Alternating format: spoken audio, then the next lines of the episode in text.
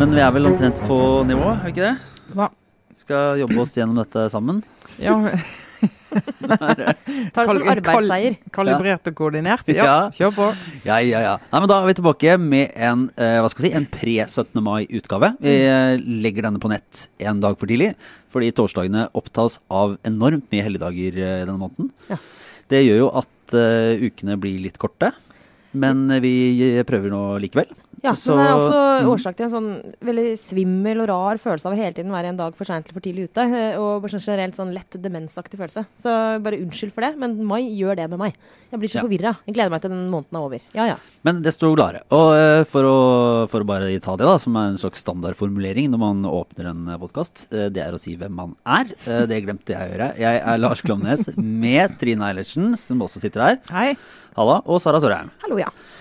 Eh, Det er, eh, det er snart 17. mai. Det er eh, vår. Her inne i studio er det ordentlig kaldt. Ja, som vanlig. Men vi kan i hvert fall glede oss over at det er mulig å rømme ut i finværet. Vi skal innom Hva skal vi innom? Vi skal innom litt sånn Hva skal jeg si? En gryende maskulin eh, terroristbevegelse. Eh, og så skal vi innom et, eh, et lite reformhjørne med jo. Trine Eilertsen. Det er på tide. Det er på tide. Så skal vi snakke litt om Oslo lokalpolitikk og MDG. Mm. Og ting som kommer når politikken kommer nærmere og nærmere kjøkkenbordet. I hvert fall eh, bilen. Mm. Men eh, først, eh, du har jo vært ute og nytt eh, finværet, Sara. Det er så fint. Og, og dette er sånn Jeg husker da jeg var liten eller ungdom og hørte voksne folk snakke om været, så klassisk bare sånn hallo, get a life. Men altså, det er så fint. Og jeg så noen skrev på et eller annet sted, Instagram, at dette er de dagene vi kommer til å snakke om når det regner i fellesferien. Sånn, husker dere hvor fint det var i mai? Så nå har jeg gått all in på sånn Jeg, jeg snakker nesten bare om hvor fint det er. Jeg vil være ute hele tiden. Og i går var jeg på båttur eh, på Oslofjorden, og bare så det er lykken. Da elsker jeg Oslo så høyt at jeg nesten blir helt sånn Jeg, går, altså, ja. jeg, jeg, jeg blir så glad. Og 15. mai, altså i går, eh, er faktisk Oslo-dagen. Eh, er dere klar over det? Eh, nei, nå sier jeg første spørsmål, og svaret nei. Uh, bryr jeg meg om det? Ja, Eh, nei. Det er altså, eh, altså Oslos skytshelgen, Sankt Halvard. Det er liksom hans dag på primstaven eller et eller annet sånt. Men i min spede ungdom så var jeg med i et sånt Oslo ja, Det het Oslo byaksjon.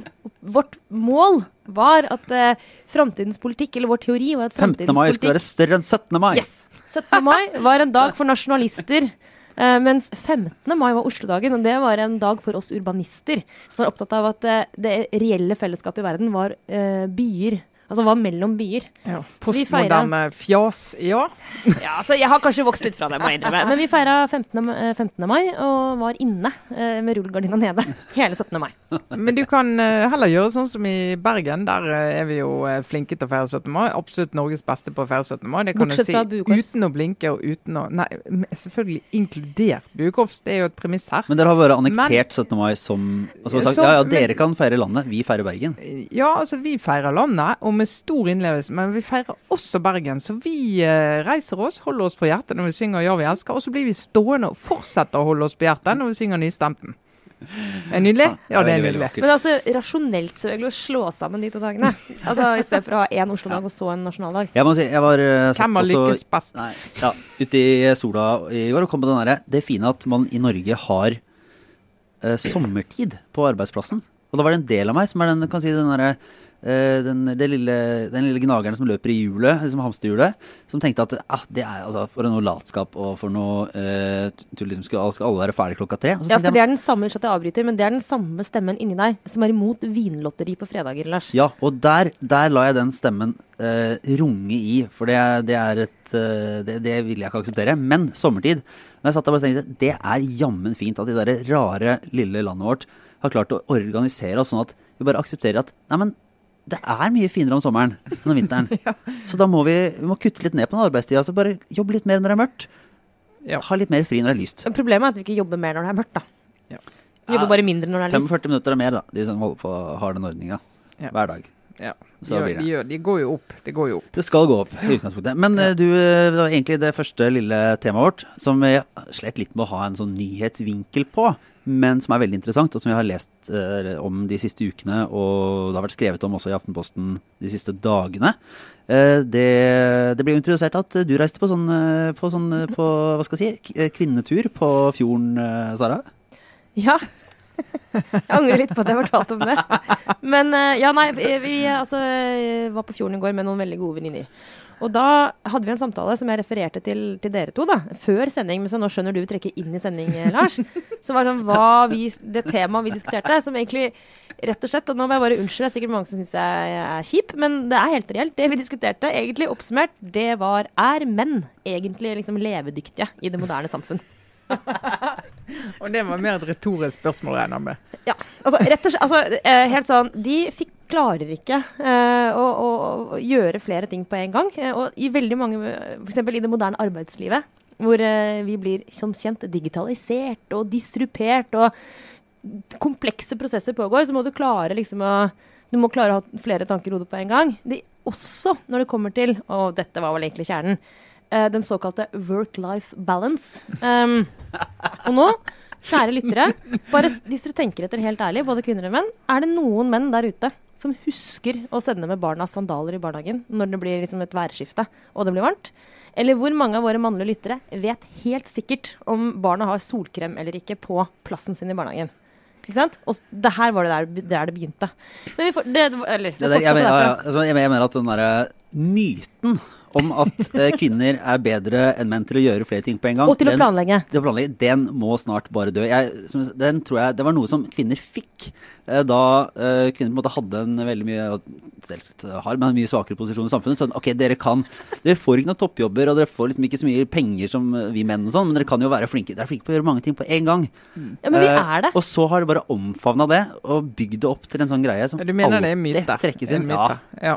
Nei, men altså, jeg, jeg mener, altså jeg, Vi møtte en kollega på vei eh, opp hit i studio. Som hadde vært ute, en kvinne som hadde vært ute og kjøpt eh, sommersko til barna.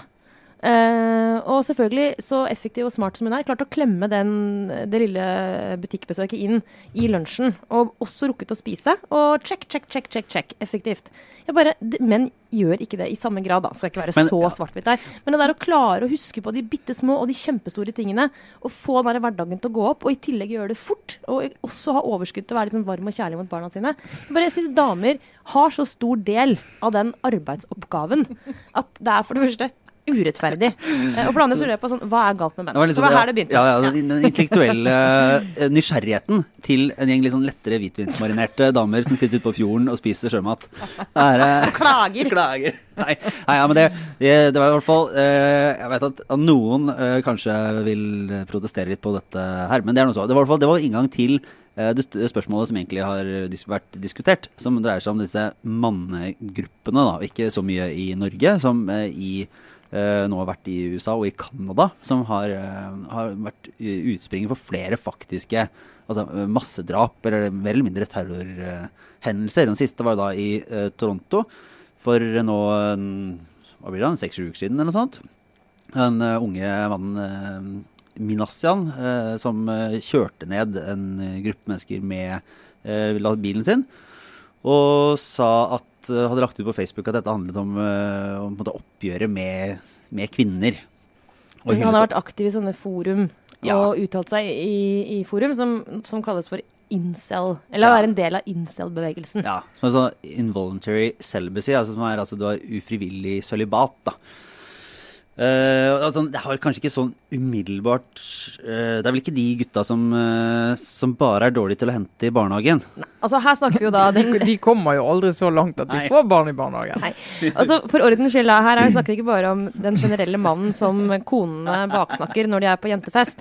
Eh, men her snakker vi om de som virkelig, virkelig er dropouts. da. Altså de som faktisk De har De som ja, hva skal jeg si for noe? Det er et reelt utenforskap eh, som kommer til uttrykk i bl.a. denne incel-bevegelsen. Det, det handler om menn som opplever at de blir utestengt fra det seksuelle markedet, så å si. Altså Det er menn som har lyst til å ha sex, men som ikke får det, og som mener at det er kvinners feil. Altså, Ja. det, at de har, det er ikke noe de kan gjøre med det, egentlig, men det er for at kvinner har, liksom, stenger dem ute og er ikke mottakelige for dem. Og at og det blant noen i den bevegelsen er det et veldig sånn uttrykt kvinnehat. da. Ja. Og når jeg sier bevegelse, så er det egentlig mer sånn Det presise er vel egentlig å si at dette synet på kvinner, og den betegnelsen har dukket opp i sånn, diverse sånne diskusjonsforum på nett, hvor disse mennene har funnet hverandre. Det som er bare fascinerende, jeg hørte en, eh, en annen podkast i forbindelse med det, som heter Reply All uh, fra Gimlet, som er eh, en, en serie som tar for seg en del sånne temaer som er veldig god. Vi hadde snakket med uh, det var faktisk en lesbisk dame som startet hva de har klart å finne dette begrepet. Fordi hun måte var lenge liksom sosialt eh, awkward og hadde på en måte ikke noe å date eller ligge med før hun ble ganske altså, mer eller mindre voksen, fall midten av 20-årene. Så startet hun på den nettgruppe der det skulle skapes et fellesskap på litt etter modell av de støttegruppene hun hadde da hun kom ut av skapet som lesbisk. For sånn, ok, Hvis flere måte, anerkjenner at dette gjelder flere, at, eh, at mange kan ha de opplevelsene, og liksom støtte i hverandre, og så kan man gå videre. Det var fint. Det var veldig fint. Eh, og kom jo også med dette begrepet. Og så funka det på en måte for eh, Hun hadde da begynt å leve et mer sånn sosialt liv, men eh, dette spant jo ut av kontroll, da, mer eller mindre. Og endte opp med en eh, en haug med undergrupper der det da sitter særlig menn, i absolutt all hovedsak nå, da, innenfor dette begrepet, og ja, forbanner verden og på en måte mener at de egentlig har tapt et slags lotteri allerede ved fødselen, fordi samfunnet i dag har gitt all, både se, all, seksuell makt til, eh, til kvinner, og stort sett all annen samfunnsmakt til eh, det de kaller sånne chads. De har gitt navnet Ja. Stacey, som er en sånn på en måte vellykka eller bare en kvinne, og Chad, som da er en sånn alfahann. Man hører jo bare på navnet, Trine. Sånn Chad. Ja, ja. Ingen som liker folk. Men det er jo, altså disse er jo ekstreme. Men jeg måtte si den, den lange trenden at du har en gruppe menn i samfunnet som ikke har greid å finne plassen sin i et likestilt samfunn, i et samfunn der veldig mange flere får høyere utdanning, og der kvinner rett og slett har all mulig frihet til å velge vekk menn.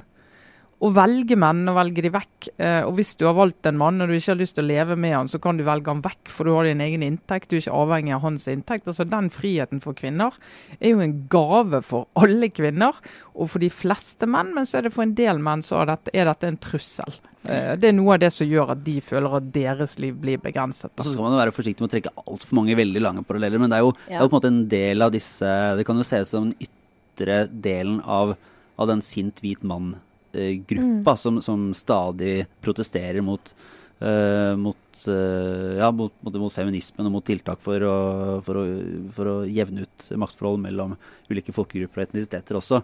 Det er de som henger etter og taper på moderniseringen da, av samfunnet. Ja, for det er på en måte skyggesiden til det som jo egentlig er en veldig positiv utvikling. Eh, og så er det viktigste å huske på at altså, det, er, det er mer en positiv kraft enn det har ført til liksom, ekstremt negative ting. Eh, Likestilling, kvinnefrigjøring osv. Men han, Michael Kimmel, som er amerikansk eh, sånn mannsforsker, han har skrevet om liksom, sinte hvite menn og er en sånn ledende figur, ledende tenker på det feltet. Han, er, eh, han ble intervjuet i Aftenposten i, i dag også, eh, onsdag, og, og snakker om incel-bevegelsen. Eh, og minner også om at det er, det er i marginene dette skjer. Men hans poeng er også interessant, fordi han er litt sånn ja, det har alltid eksistert eh, frustrerte menn. Altså seksuelt frustrerte menn, sannsynligvis. Men det som er litt interessant med vår tid, er at du har uh, disse forumene som gjør at vi andre også ser det, og at de finner hverandre.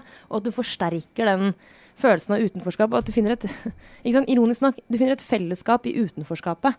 Men det gjør deg bare enda mer utafor. Så er det sikkert, er det sikkert mange som finner mer støtte altså, sånn Tallmessig så er det sikkert flere som finner en slags støtte og oppmuntring i et sånt fellesskap. Altså Den, den destruktiviteten er jo ikke Vil jeg jo håpe, uten at jeg er uh, veldig god i å si det, altså, at ikke det er det som er den dominerende kraften for folk som er ensomme og finner seg venner på nett. liksom. Det Nei, men hvorfor er jo- skjer det? Men da skal jeg utfordre deg. Sånn, for nå er vi sånn, nå er vi nyansert og flinke til å Ja, hele veien, sånn. ja. ja. Men, men, eh, men egentlig så er det sånn hvor, Hva fader liksom er det som gjør at når mange nok frustrerte menn samles, så i stedet for at de hjelper hverandre til å bli bedre mennesker, så blir det bare verre og verre og verre, og ender opp Nå er jeg litt stygg, dette er egentlig veldig sånn dårlig gjort å si, for det er veldig veldig få som ender opp som massedrapsmenn. Men gjør, noen gjør jo faktisk det.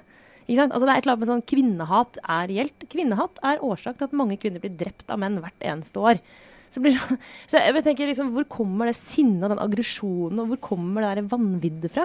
Jeg setter pris på at du spør meg, Ja, Lars, forklar. Når dere er- møtes, hvorfor kan dere ikke hjelpe hverandre til å bli liksom eh, lettere til sinns, istedenfor Ja, å ja, egge men, frem? men det er jo litt interessant, for jeg tror altså, den gruppen vi snakker om da, er jo veldig veldig marginal. Ja, det altså, de som, er sant. de som, hvor den frustrasjonen, neste steg i den frustrasjonen er vold på en eller annen måte, eller voldelige tanker og et hat. da. Eh, Og det er klart at på å si, Friske, normale menn som er single en lang periode og opplever at de ikke klarer å har draget på noe som puster, og kan bli litt sånn bitter av det, de er jo jeg vet ikke hvor mye de kan gjøre for de, de gutta der. Altså de, de, for de fleste de er jo helt normale. Og at det er en fase i livet, kanskje. Eller enten noe de får løst ved at de faktisk treffer en eh, de har lyst til å være sammen med. Eller at de får løst ved at de sier OK, jeg kan leve med det. Jeg kan ha det sånn. Men så er det jo det er noe nå, Dette kunne sikkert vært sånn, eh, hva skal man si uh, Grunnet bedre faktisk, men jeg mener at det er vel uh, mange kvinner som har det vondt, tar det typisk utover seg selv. Altså de med som selvskading og uh, mange andre former for sånn destruktiv oppførsel overfor seg selv, mens mange menn som havner utafor, tar det ut på samfunnet og blir sinte på omgivelsene på et eller annet vis. Ja.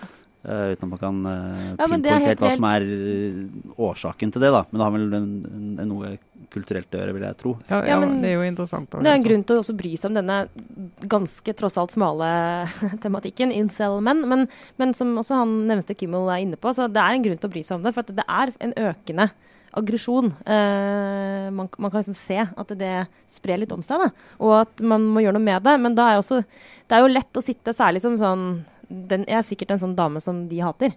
Lett å sitte og ironisere. Det, faktisk, det faller meg lett å være ganske nedlatende overfor disse vennene. Jeg hører jo det. Ja. Uh, og de fortjener jo tyn. Men samtidig så hvis man faktisk ønsker å gjøre noe med det, så bør man vel prøve å ha en viss også forståelse for hvor dette kommer fra. Eh, og som han sier, han Kimmel, så for eksempel så lever vi i et veldig seksual, en veldig seksualisert offentlighet, hvor veldig mye sånn suksess knyttes til å være attraktiv fysisk. Eh, og da men det går an å forstå at det å ikke, være, ikke oppleve seg som det, eller ikke være det, er liksom tøft å bære. Og at det er tøffere nå enn det var før. Men det går jo an. altså de, Det er jo uh, færre Andelen menn som får barn i Norge, går jo ned. Ja. Men de som får barn, de får gjerne med flere kvinner. Eh, Så det er flere og flere menn som går gjennom livet uten å ha blitt far til barn, f.eks. Det er jo i Norge, og de er jo, for, for bare for å slå det fast, de er verken voldelige eller farlige eller noe som helst. Eh, Men du ser at en del av de kan sikkert bli litt frustrert over at det er han derre gjøken som alltid tafser på julebordet, han får liksom alle de skjønne Han barna Chad, ja. Han er jævla Chad. Ja.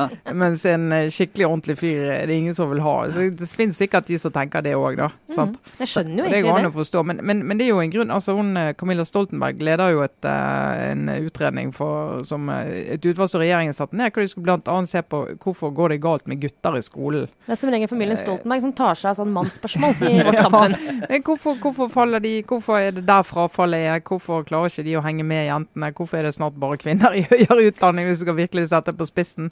Og, og du får en gruppe med menn som faller utenfor. og Det er jo helt bak der du må begynne. for når du havner der, har jo med hele sånn rollen din i samfunnet, er du en bidragsyter, eller har du en utdanning, passer du inn, kan du møte de kravene, ikke bare det som arbeidsgiverne stiller av krav, men det som kvinner stiller av krav. Og så hvis du er mann og ikke kan vaske huset ditt, og ikke klarer å oppføre deg Ikke klarer å en huske om solkremen står på plassen i barnehagen. ja, men da, da, da, da, er du, da, da er det veldig vanskelig å finne seg en dame som gidder å henge rundt med det. Og da må du, du må liksom, du må bygge deg opp som en person som passer i 2018. Det Mm. nytter ikke å være, leve i 1950. Så spurte jeg, det det er et større tema, vi skal egentlig runde av den her snart, men om, om det er en gruppe som på et eller annet vis bør Det høres helt forferdelig rare ting å si, men som skal ikke anerkjennes som en minoritet, men som anerkjennes som en gruppe som, som føler seg gruppemessig utsatt. da.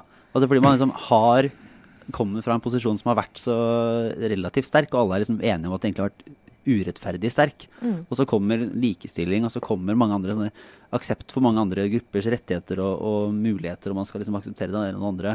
Og blir jo stadig pekt på som sånn, hvite menn blir stadig pekt på som skurkene i narrativet, det sosiale narrativet. Ja, ja. Uh, og så sitter de sjøl der og er sånn der, aldri får de ligge med noen, aldri får de, har de ikke noen nære venner, og de skjønner ikke helt hva som skjer, og ikke har de så mye penger heller. Og så får de Ja, og hvis de skiller seg, hvis de har fått barn, og så skiller seg, så får de aldri omsorg for barna. Nei, så får de hele den der opplevelsen av å være sånn Ja, ok, alle snakker om hvor kult det er å være, Men være så- hvit og mann Men så det er ikke plutselig så får de velge sin egen president i USA, da. Ja. Så det er liksom ikke sånn at de aldri, aldri, aldri, Nei, nei, aldri nei. får noe gjennomslag. Nei. Du får kanskje ikke ligge, men du får Nei. Og hver gang jeg tenker på det, så forsvinner, så fordunster også min sympati. sympati. Da blir jeg sånn, vet du hva, da kan, da, da, er det, da kan dere bare ha det så godt, hvis Ja. dere ender opp der. Ja. ja, ja, Nei, jeg vet ikke helt hvor vi, hvor vi går her, men vi kan Nei, vi men det er et interessant fenomen, Ja. i hvert fall. Altså, Det sånn. Det som er interessant, er at det er blitt så synlig, for det har jo alltid eksistert de som har gått gjennom livet alene eller på en eller annen måte ensom. Sant? Mens nå er det så synlig, og de kan organisere seg og møtes i den type samfunn. Nei, eh, vi går eh, inn i det som eh, virkelig betyr noe. Trines reformhjørne. Ja, vi må få en vignett til det, altså. Ja, og dette er- for de som har hatt radiotekniske innvendinger mot vår omtale av, av faste poster, som det heter Ja. på radiospråket. Eller Vi har kommet i skade for i flere år nå å snakke om uh, faste spalter. Men Og det, det- det spalter, gjelder ikke. Dette er det- Posten. Ja, Trines reformhjørne. Ja, For spalter finnes ikke uh, i etermedier, og vi er et etermedium nå, er det ikke det? Ja, men du snakker jo endelig til lytterne og ikke til leserne, så dette går fint, syns jeg, Sara. Nei, altså, vi fikk jo ny eh, kommunalminister eh, da i, i vinter. Da Ja. Monica Mæland overtok eh, porteføljen til eh, Jan Tore Sanner på dette området. Eh, Vi som har blitt så glad i Jan Tore Sanner. Så blitt så glad i Jan Tore Sanner, så vi liksom plutselig vi, fant vi ut kanskje vi må snakke mye mer om skolepolitikk, og, det, og det bør vi. Men Nei, det eh, ikke i dag. ikke. Ikke i dag. Vi er nødt til å snakke om kommunereform. Fordi at, eh, Som Trygve Slagsvold Vedum sier i en sak som vi hadde denne uken her, med intervju med Monica Mæland bl.a., så sier han at nå som reformen var avsluttet, så begynner regjeringen igjen med å presse kommunene sammen. For han trodde at reformen var over, og det var han ikke. Han var ikke over. Han var bare over på den måten at eh, ja, vi hadde 400 og var det 428, og vi skal bli 356 i løpet av et par år kommuner. Uh, Ja, hvor er vi nå egentlig, sånn cirka? Nei, altså det er jo innen 2020 skal Ja, okay. de, så det er masse sånn hvordan skal vi gjøre det opplegg som pågår. Eh, men, men da var det jo det som gikk ut nå, var jo fristen for disse pengene som de skulle få, belønningen som kommunene skulle få hvis de slo seg sammen. Eh, men nå sier regjeringen i revidert budsjett som kom i går, at eh, dere skal fortsatt få penger hvis dere slår dere sammen. Og det leser Trygve Slagsvold Vedum, som har bygd en politisk karriere på motstand mot kommunereformen. Og dette må jo han nesten si, at dette er nytt press fra regjeringen for en helt meningsløs reform. Så bare kommunene burde ha slått seg sammen kun frivillig. Som er sånn Å nei, de presser oss skikkelig hardt med å gi oss masse penger. Ja. Rar, rar ting å klage på, men Ja, veldig, nok om det. Ja, ja, ja. Det er det er. Den kommenterende delen av denne podkasten er ikke i det hele tatt vekta i favør av Jeg legger merke til at jeg har blitt så hjernevaska Trine at jeg også snakker med babystemme når jeg Ja. gjengir eh, Trygve Slagsvold Vedums eh, Men, men, men eh, det er kanskje et eh, spørsmål som er bare tidlig i prosessen. Men er ikke det faktum at man utvider disse ordningene Det er jo på en måte en aksept fra regjeringens side at man ikke kommer langt nok Ja, i forrige ja. runde. Og Ja, hele og poenget med pressmidler var at du skal få hvis dere ordner dette innen denne fristen, så skal dere få penger. Ja. Etter dette så vet ingen hva som skjer. Og nå er det bare sånn Jeg skal få litt penger likevel. Ja, det, og det er jo sånn det alltid er. Og det er jo Problemet med norske former det er jo at de smøres med altfor mye penger. bare så Det er sagt. Det er helt meningsløst. Men sånn er det. Det er det lang kultur for. Du kan liksom ikke flytte ut en eneste arbeidsplass fra Oslo uten å smøre den med millioner av kroner. Eh, men at de er nå låst seg opp i det at dette må vi bruke masse penger på, men de mener det er verdt det til slutt, og det må vi jo tro. Eh, vi har jo fremdeles halvparten av norske kommuner som har færre enn 5000 innbyggere. Eh, Og det er over 100 kommuner som har færre enn 3000 innbyggere. Og da er hele sånn, i hvert fall eh, rasjonale fra regjeringens side, er at vi er nødt til å få flere av disse til å slå seg sammen, så du får sterkere kommuner så de kan ha disse funksjonene. Og Det er typisk sånn barnevern og en del av de funksjonene som løftes eh, frem, så du er nødt til å få sterkere fagmiljøer og, og, og klare å løse det bedre. da. Eh, Men så er det jo, eh, hvis du spør noen i regjeringen, hvis du spør Monica Mæland, har du et måltall, har du en, har du en drøm, en visjon? Det er de livredd for å snakke om, sant? og det var de jo forrige gang òg. Og sånn skikkelig skikkelig på bakrommet, før, før alle disse reformene begynte, så snakket jo folket langt inn i Arbeiderpartiet at de burde ha 100 kommuner. Sant? De burde ha 150 kommuner. Nå er det ingen som tør å si sånne ting. For da blir de målt mot det, og da blir alt en katastrofe. Sant? Og de kommer, de kommer ikke til å nå 100 kommuner. Nei, det kommer de ikke Nei. til. Og nei, ikke i vår levetid. Og så er det jo det at nå er det jo ikke flertall på Stortinget lenger for tvang. Eh, Det var det jo i forrige runde. Det var det Ja, jo elleve små eller? kommuner som Nei, eh, KrF var jo ikke med på det. Ah. Og nå er ikke det lenger rent Altså nå kan ikke Venstre hjelpe Frp og Høyre med å få flertall, som de kunne i forrige periode, for å få tvang. Eh, og da, eh, da er det jo Må alt skje frivillig. og det var elleve kommuner i forrige, kommuner, eh, forrige runde som ble slått sammen med tvang. Elleve små kommuner av 428. Det er jo ingenting etter mine begrep, men Hvem spør meg? Ja, det er sant. Men, men poenget er i hvert fall at hvis vi er heldige nå, så får vi noen nye debatter og nye runder om kommunereform, Lars. Jeg Den ser på er- ansiktet ja. ditt at du gleder deg. Den deg. var ikke død. Nei. Altså, se, men det de ser er at Mange av de kommunene som sa nei til å slå seg sammen, de ser nå at kommunene rundt er begynt å slå seg sammen, og de føler, kjenner på presset. da. Og Fylkesmannen i Hedmark for Innlandet har jo gjort en skikkelig dårlig jobb med kommunesammenslåing. Og Nå får de en ny fylkesmann, Knut Storberget, som eh, regjeringen har stor tro på. Skal bidra her. Men nå sier jo Sigbjørn Johnsen at eh, ja, vi, nå har kommunene sett litt på realitetene, ser hva utfordringer vi har, og vi burde egentlig vært halvparten så mange, sier han om eh, Hedmark. da. Og Det er jo ganske sterkt eh, Ja. budskap. Så her er det bare å bare holde fast i stroppen og håpe på Ja. mer. Og så helt til slutt, nå, og nå uh, avslører jeg mitt, min ukunne, uh, men det har vært en folkeavstemning i Finnmark nå. Ja. Tror jeg. Eller det har vært en folkeavstemning i Finnmark. Men det går på fylkessammenslåing. Ja, ja, ja. ja. Det- Fylke, Finnmark og Troms Nettopp. ble tvangssammenslått. Men det er det ingen i Finnmark som vil være med på. 87% av de som deltok i folkeavstemningen, sier at det vil de ikke. Eh, Men vedtaket om sammenslåing er jo gjort to Ja, okay. før. sånn at det, Så det er en det klassisk det er. eh, omkamp i avmaktens lys. Ja, Det er en folkeavstemning som de har rett til å ha, for all del. Men som noen kanskje vil spørre om hva, hvorfor skal dere det. Men, uh, og så vil kanskje andre spørre om, om denne her regionreformen har vært, er så fornuftig og så gjennomtenkt som eh, mange vil ha det til. Men altså Finnmark, 70 000 mennesker alene i Nord-Norge. Etter hvis de virkelig skal ha den, eh, hvis de virkelig skal få noen nye oppgaver, skal få mer kraft i det nivået. Det er jo grunn til å spørre om det er nok, da. Men eh, ja. Det blir et annet eh, reformhjørne.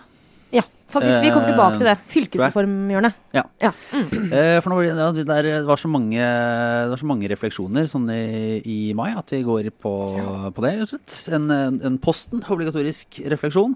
Eh, der kan man si det Alt annet som har skjedd denne uka her, har jeg egentlig bare gitt beng i. Uh, fordi Ja, du har vært gjennom et rite i ditt liv. Ja, det har skjedd store ting i livet mitt. Uh, jeg tenkte jo før at man kanskje ble Man flytter inn til byen og kjøper seg leilighet. Uh, blir voksen når man har blitt styreleder i borettslaget. Eh, noe jeg har, har vært. Det har jeg jo nevnt her i, podkasten også tidligere. En, altså jeg er veldig glad i borettslaget mitt. Hyggelige naboer hvis eh, dere hører på. Eh, glad i dere. Men voksen blir man først når man har kvittet seg med vervet som styreleder i borettslaget. Og skjønner at man aldri, aldri, aldri skal gjøre noe sånt igjen. og skjønner at bare jeg har gjort min innsats Ja. eh, for dette, jeg- og jeg jeg klart klarte å prate inn noen andre til å ta den børa. Så jeg har hatt generalforsamling, blitt kvitt vervet som styreleder i borettslaget, arrangert en dugnad. Alt dette på de fineste dagene i hele 2018. Eh, men det har vært det. Og selv da jeg, eh, da jeg var, var ferdig, så det, det gode som først og fremst fulgte med dette vervet, da, var parkeringsplass rett utafor bygården der jeg bor. Og det har jeg da ikke lenger, så jeg måtte i gang. Logget meg inn på Bymiljøetatens sider uh, for å uh, registrere bilen min på sånn beboerparkering. Ja, 3000 som nå er innført i nabolaget ditt. Ja, på Grünerløkka. 3000 kroner rett ut. Ja. Og jeg gjorde det med sånn relativ glede, egentlig, i, i, i euforien etter å ha kvittet meg med ansvaret for, eh, for bygårdens og vel. Eh, Men det, da kommer det nær på politikken i Oslo. For det, var, det kommer ut, og så er det jo stappfullt i de gatene. Ja. Og da er den følelsen hvis, øh, hvis, den, hvis det kommer til å være sånn fortsatt, så er den beboerparkeringen en daglig påminnelse om at jeg har betalt 3000 kroner for ingenting. Ja, da er det så dyre 3000 kroner, det. Eh, Ja. Ikke minst for, eh, for Miljøpartiet De Grønne. Altså Hvis Ja. du går ut med sånn sinne i kroppen. sånn, ja, for da får du den der, ok, hvem er det som styrer dette her? Betaler penger. Like forbanna vanskelig hver dag. På den annen side, hvis det fungerer, så får du denne følelsen at da har du fremskritt. Nå har, nå har verden gått framover. Nå har vi funnet løsningen på et stort problem. Jeg kan nå, de sjeldne gangene jeg kjører bilen, komme tilbake, parkere, Lars- betalt mine, mine penger, er fornøyd. Da kan jeg jo hilse fra vestsiden av denne byen, hvor vi ligger litt foran. Mm. For der er det vært beboerparkering nå ganske lenge. Altså, det har jo vært det i Oslo for øvrig i mange mange år, men det har bare kosta noen få hundrelapper. Forskjellen nå er at det er skrudd opp til 3000 kroner. Hvis jeg skjønte det riktig. Men det, det har det vært en stund hos oss, eh, og det var en ganske sånn sur eh, regning å betale.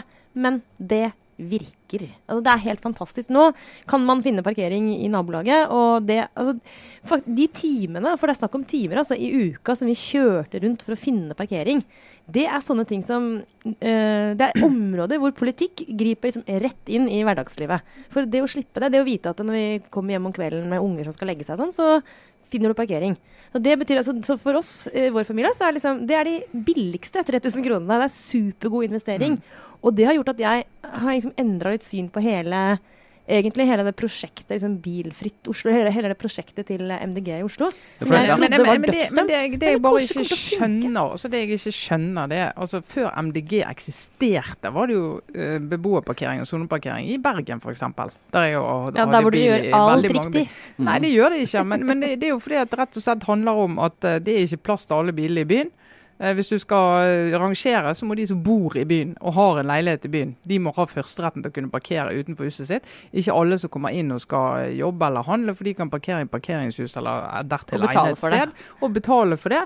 Eh, så i hvert fall det siste jeg sjekket, så kostet det 2004 i året å ha soneparkering i, i, Bergen sentrum. Og sånn har det vært i hvert fall så lenge jeg kan, kan huske. Og helt, helt sånn ukontroversielt? For her har det vært et altså, kjempetema. Ja, og, og, og, jeg kom til Oslo, jeg skjønte ingenting av hvorfor det var kontroversielt. Og Det var, det var mens MDG hadde en promille på målingene. Ja. At, så det, eh, det, er litt sånn merkelig at, det, at, ja. alt blir så lada. At, at, ikke liksom, du bare sier at ja, mm. men det her handler jo om Skal det være mulig å bo i byen med bil eller ikke? Og tanken altså, og forsøksordningen for dette ble jo eh, påbegynt før MDG kom inn i i, men nå forbindes det jo med Men nå MDG forbindes veldig. veldig mye av dette bilfrie sentrum med dem. Bare det som blir interessant å følge med på, er jo om hvis sånne ting fungerer, så er det en ordentlig bonus for et parti som har satt seg selv midt i stormen. da.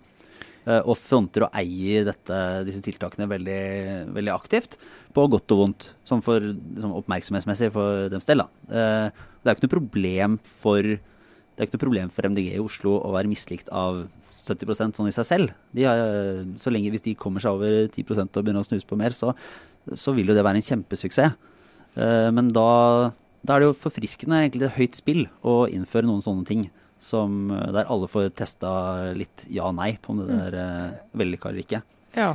Og så er det ikke nødvendigvis noe lettere for Arbeiderpartiet og samarbeidspartiene til MDG Nei. uansett. Da. Nei, Det rare er at så mange partier i Oslo har hatt mot det så lenge. Fordi det har vært, som du sier, for de som bor i Oslo har det vært vanskelig å, å finne parkeringsplasser. Ja, det, men det vil du finne ut, da. Hvis det, hvis det, er like vanskelig som før, eller egentlig like enkelt som før, for det var ikke sånn helt uh, helvete da heller, så så er det jo ikke noe pluss.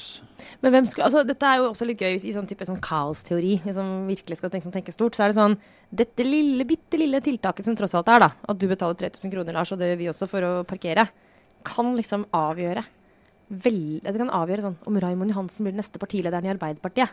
Sant? Hvis dere følger tankerekka hele veien ut. For Hvis MDG lykkes i Oslo, eh, så uten kan det være Uten å ramme Arbeiderpartiet for hardt? Uten å ramme Arbeiderpartiet. Altså, det, uansett, da. Så, altså, den, de som styrer i Oslo nå, er jo, det er jo litt interessant om de blir gjenvalgt i kommunevalget 2019. Eh, og for Arbeiderpartiet sin del så er det jo en eh, fortsettelsen på uåret som ble til flere uår etter hverandre. Hvis de mister Oslo, hvis de kanskje også mister de andre store byene. Eh, hvis Jonas Gahr Støre fortsatt er partileder på det eh, tidspunktet, og det skjer, så blir det enda vanskeligere for han å i hvert fall forbli partileder. Sant?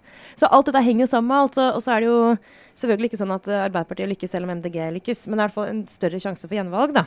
Så dette her er jo veldig sånn Egentlig eh, den politikken, som er ekstremt lokal, vil kunne få store ringvirkninger på det norske Og så er det også et eksempel på hvor nærsynte journalister og andre blir når politikken treffer en midt i nabolaget. Ja, for da er det utrolig ja. interessant. ja, for, men, det er ikke sikkert det er avgjørende for hele Oslo. Nei, altså. det er veldig avgjørende for, for ja, nabolaget mitt. Det er jo for de som bor i, i, liksom virkelig sånn innenfor Ring 2 i jo, Oslo. Men det er avgjørende for oppslutningen til MDG, da. Som ja, igjen er avgjørende for Oslos uh, politiske Ja, I Oslo så bor jo hele MDG-støtte ja. innenfor Ring 2. Det er ikke som at de har noen velgere utenfor Oslo, liksom. Nei, det er jo der de bor, sant. Men det er jo klart at eh, for Arbeiderpartiet så er det jo de an på hvor mye de blør. Uh, før de kommer så langt. Og Det er jo en ja. sånn balanse der. Men nå ser du jo uh, MDG hadde landsmøte forrige helg. Og ny talsmann Arild Hermstad sa jo det at nå vi må velge side, og vi må velge til venstre og ja. sier det. Og det, det, er det som er naturlig for de å gjøre.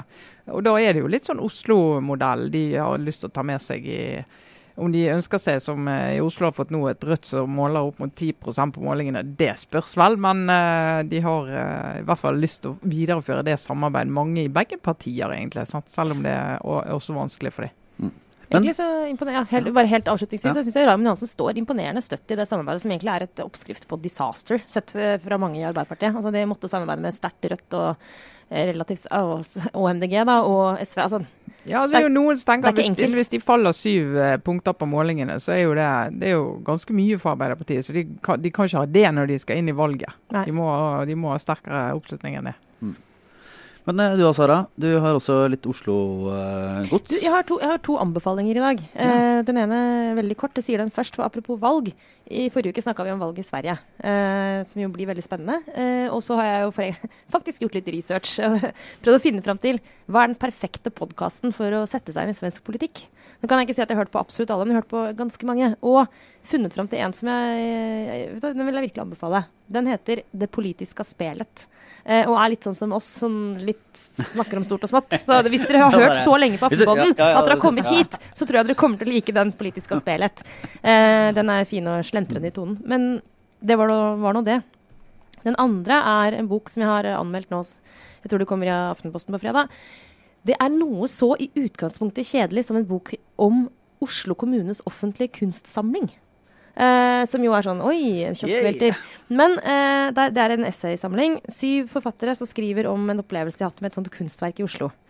Og så har det altså blitt så utrolig fine tekster.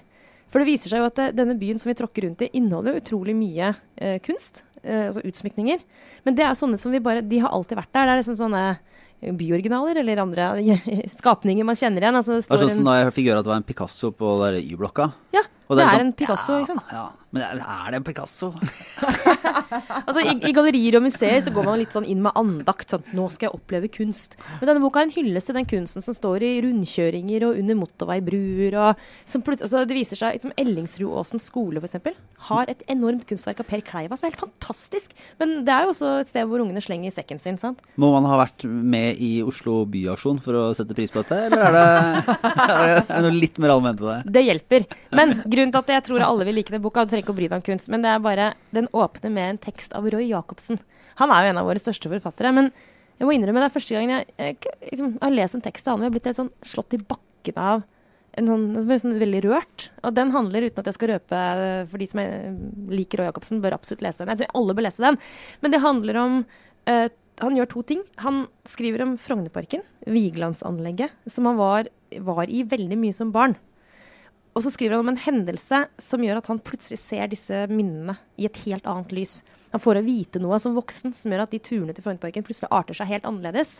Eh, og beskriver den opplevelsen av at noe du opplever som liten, det er på en måte bare der. Du reflekterer ikke over det. Og så blir du voksen, og så skjønner du at oi, dette var egentlig noe annet enn jeg trodde. Og så det fine grepet han gjør, da, er at han gjør det samme med de figurene i Frognerparken. For han sniker inn sånne opplysninger om eh, hva som er der. F.eks. at det der mønsteret på bakken frem mot monolitten, som bare er sånn svart og hvitt, Svart og hvite fliser, liksom, det er egentlig en labyrint. Sånne småting, da. Som gjør at når jeg nå uh, er i Frognerparken, så ser jeg også Frognerparken med helt nye øyne. Ja, dette var kanskje litt abstrakt, men altså, det er en utrolig fin tekst. Det var en god anbefaling, eh, Sara. Så. Men er, fi- er bare sånn, Fins den tilgjengelig noe sted? Eller er Ja, det er en bok. Den kom ut nå. Det felles eide, heter den. Gitt ut på Cappelen Dam. Jeg får ikke betalt for å si dette. Hva, var kjøpt den i en vanlig bokhandel, eller? Altså, jeg, jeg skal innrømme at jeg faktisk gikk i en bokhandel for å kjøpe den boka. Og for en kulturjournalist så er det ganske Skal litt vanvittig. betale for en bok, ja. Ja, men de hadde den ikke, så jeg måtte ringe forlaget og få den sendt. meg. Men de, den er tilgjengelig på platekompaniet, faktisk. Var- Herregud, nå må jeg slutte å drive med kont ubetalt content Ja, marketing. Du må gi- få oss noe penger for dette her, hvis, jeg, hvis vi kan. Men eh, du Ja. Tine? Nei, jeg har eh, blitt minnet om eh, en av mine hverdagsirritasjoner denne uken her. Det var De er jo ganske mange, da, Trine. Ja da, så det er alltid noe. Men uh, Nina Kristiansen, redaktør i forskning, hun er spaltist i Aftenposten, og hun eh, skrev, skriver om denne her eh, KJ-lyden og SKJ. Altså eh, kylling, kylling Altså forskjell på disse lydene. Eh, utgangspunktet hennes er en kommentar som Kjetil Alstheim skrev for et par uker siden. Der han hadde skrevet en skisse fra Stortinget, sånn som han gjør eh, hver onsdag under spørretimen. Og der han raljerte veldig brutalt med Ja. SVs unge representant eh, Freddy André Øvstegård fra Østfold. For han kan ikke forskjellen på K, J, SKJ og alle disse lydene som vi er. Så der blir det kylling istedenfor kylling, og det blir kjede istedenfor kjede, og alt det som ja. Men i hvert fall, poenget er at Nina Kristiansen hun liksom refser eh, Alstaheim. Da. Det jeg sa til Alstaheim da jeg møtte han, eh, jeg møtte han i Bergen, for han fikk jo masse kjeft for den, for de mente det var lytehumor og skulle aldri hengt han ut. Så jeg sa til han at eh, jeg kommer jo aldri til å forsvare det offentlige, men, men jeg er jo helt enig med deg. Men nå gjør jeg det likevel, fordi at jeg har eh, blitt så irritert. For det er jo ikke lytehumor. Det går an å gå til logoped og fikse det. Så det er jo bare å gjøre noe med det. Men, Men da er det er de poenget- som har stygge bukser. Du kan le av noen som har stygge bukser. Ja, så får du jo heller kjøpe en ny kjøpe bukse, nye, da. ja. Og så, men Nina Kristiansen mener at nå må sånne som jeg og sånne som Kjetil, gamle mennesker, som vi blir kategorisert som, og for så vidt god grunn til det også, eh, sier at nå, nå må dere gi opp den kampen. Språket er i evig endring. Vi sier ikke lenger dem, vi sier de, og, altså vi sier du. Vi sier ikke vi sier ikke manufaktur lenger, vi sier ikke drosje, vi sier taxi. Altså masse sånne ting som skjer med språket. Men dette er jo annerledes, for dette er jo ord som har faktisk ulik betydning. Jeg har jo hørt en på NRK Østlandssendingen si at nå, er, nå har det akkurat vært en kjedekollisjon på E18. Du vet, jeg får jo bilder i hodet som jeg ikke er ferdig med ennå. Det går ikke an å si. Det, men, men da mener jeg hva, Og jeg vet at sånne steder blir kategorisert som sånn gamle Ja, for nå havna du i den skuffen hos meg. Ja, jeg Ja. vet det. Men, men jeg kommer til å plage mine gutter så lenge jeg lever. Hvis ikke de klarer å skille mellom de lydene der. Hvis de sier, og det sier de jo foreløpig for de er så små, sier kylling, så heter ikke kylling, det heter kylling. Ja, det er det samme. Nei, det er ikke det samme. Men, altså, må og jeg skal lage sånne regler som de skal øve på. Det er ikke snakk om Du kan ikke, du kan ikke bli tatt seriøst når du ikke kan forskjell på de lydene det, der. kommer det en aviskommentar i 2045 som er sånn Nå er det som driter ut folk som sier kylling. For det heter jo kylling. Ikke sant? Nei, Språket er si- levende. Ja, du men, bare sier, men Da kan du ikke skrive heller, da. Men det verste er at, at mange av disse her, de skrives jo forskjellig òg. Så det er jo en hjelp i at du klarer å skrive riktig òg. Ja, du, altså- ku- du må kunne snakke riktig og snakke ordentlig. Altså det er jo det- Toppolitikere som ikke kan snakke ordentlig, dette har vi snakket om før. Du må Ja. kunne snakke ordentlig. Ja, men det, altså jeg, jeg er for så vidt litt enig i at det, det er forskjell på kjede og skjede. Altså det er litt greit å opprettholde det skillet. Men en ting jeg syns er skikkelig sånn Ja, Men de klarer ikke å lære seg lyden, så de klarer ikke å opprettholde det, det skillet. Nei, men da, so be it. Jeg synes Det er nesten verre å bli sånn jeg synes Det er nesten gammelmannsaktig å bli sånn veldig opprørt over sånn språklig forfall. Men altså, språket for, forfaller ikke, Men, det bare men lever. Men liker du at statsråder i norsk regjering bruker i forhold til feil? Jeg liker det ikke. Syns du det er helt greit? Ne, akkurat det mener jeg er et unntak. Ja, men da, da, da, da nei, det, vi det jeg, det er jo ikke en uh, Du kan jo akseptere at noen ikke får til Altså Hvis noen har en liksom, at, du, at noen skal Ja, sies å være dumme som- for å liksom, ha en, en uh, talefeil, da, men å bruke i forhold til feil, det er Ut, utrivelig. det, Ja. Ja, men En talefeil er jo noe annet. Altså Hvis du har en fysisk forklaring på at du ikke klarer å si en lyd, men at du rett og slett ikke altså jeg, jeg, sa, jeg sa det til en venninne av meg, hun var over 30 år, så sa jeg du, du er nødt til å gå til logoped. Du er nødt til å gjøre noe med det. Du kan ikke, for nå er du, nå er du passert 30, du er ute i yrkeslivet. Du er nødt til å få fikset det. Hun har øvd. Og hun har klart det. Ja, selvfølgelig. Det er jo ikke vanskelig. Du må jo bare øve. Ja, men altså, ja, ok. Jeg er, for så vidt enig, men jeg syns likevel man skal bare ha i mente For Et annet typisk eksempel er jo sånn at man blir sånn eh, stressa over at skriftspråket blir borte fordi vi sender bare emo emojis til hverandre. Men sånn tenker ikke jeg på. Nei, ok, for det tenker jeg det er bare kjempebra. Mye mer effektivt å Ja, ja, det- det smilefjes enn å si sånn 'jeg er glad i deg'. Ja. Så, men eh, ja. Så, Og, dessuten så har jeg, skjønt at når de skulle prøve å finne ut eh, hvem i Senterpartiet som sendte den berømte meldingen, så en av de mistenkte Om han sa de at eh, nei, for den ble sendt eh, litt over midnatt, så sa han han pleier å bli så dritings at når de kom til litt over midnatt, så klarer ikke han å sende tekst, og sender han kun emojis. Og da er det jo, det er jo grei eh, måte. Så, så, det, så det kan ikke ha vært han. og så sa en, en annen kilde sa at om en annen, eller kanskje det var samme person, at uh, han ville aldri heller klart å faktisk skrive. Det eneste du ville fått fra han, hvis han hadde prøvd å nå deg, det var sånn tapt FaceTime. Der er vi på det nivået klokken 00.25.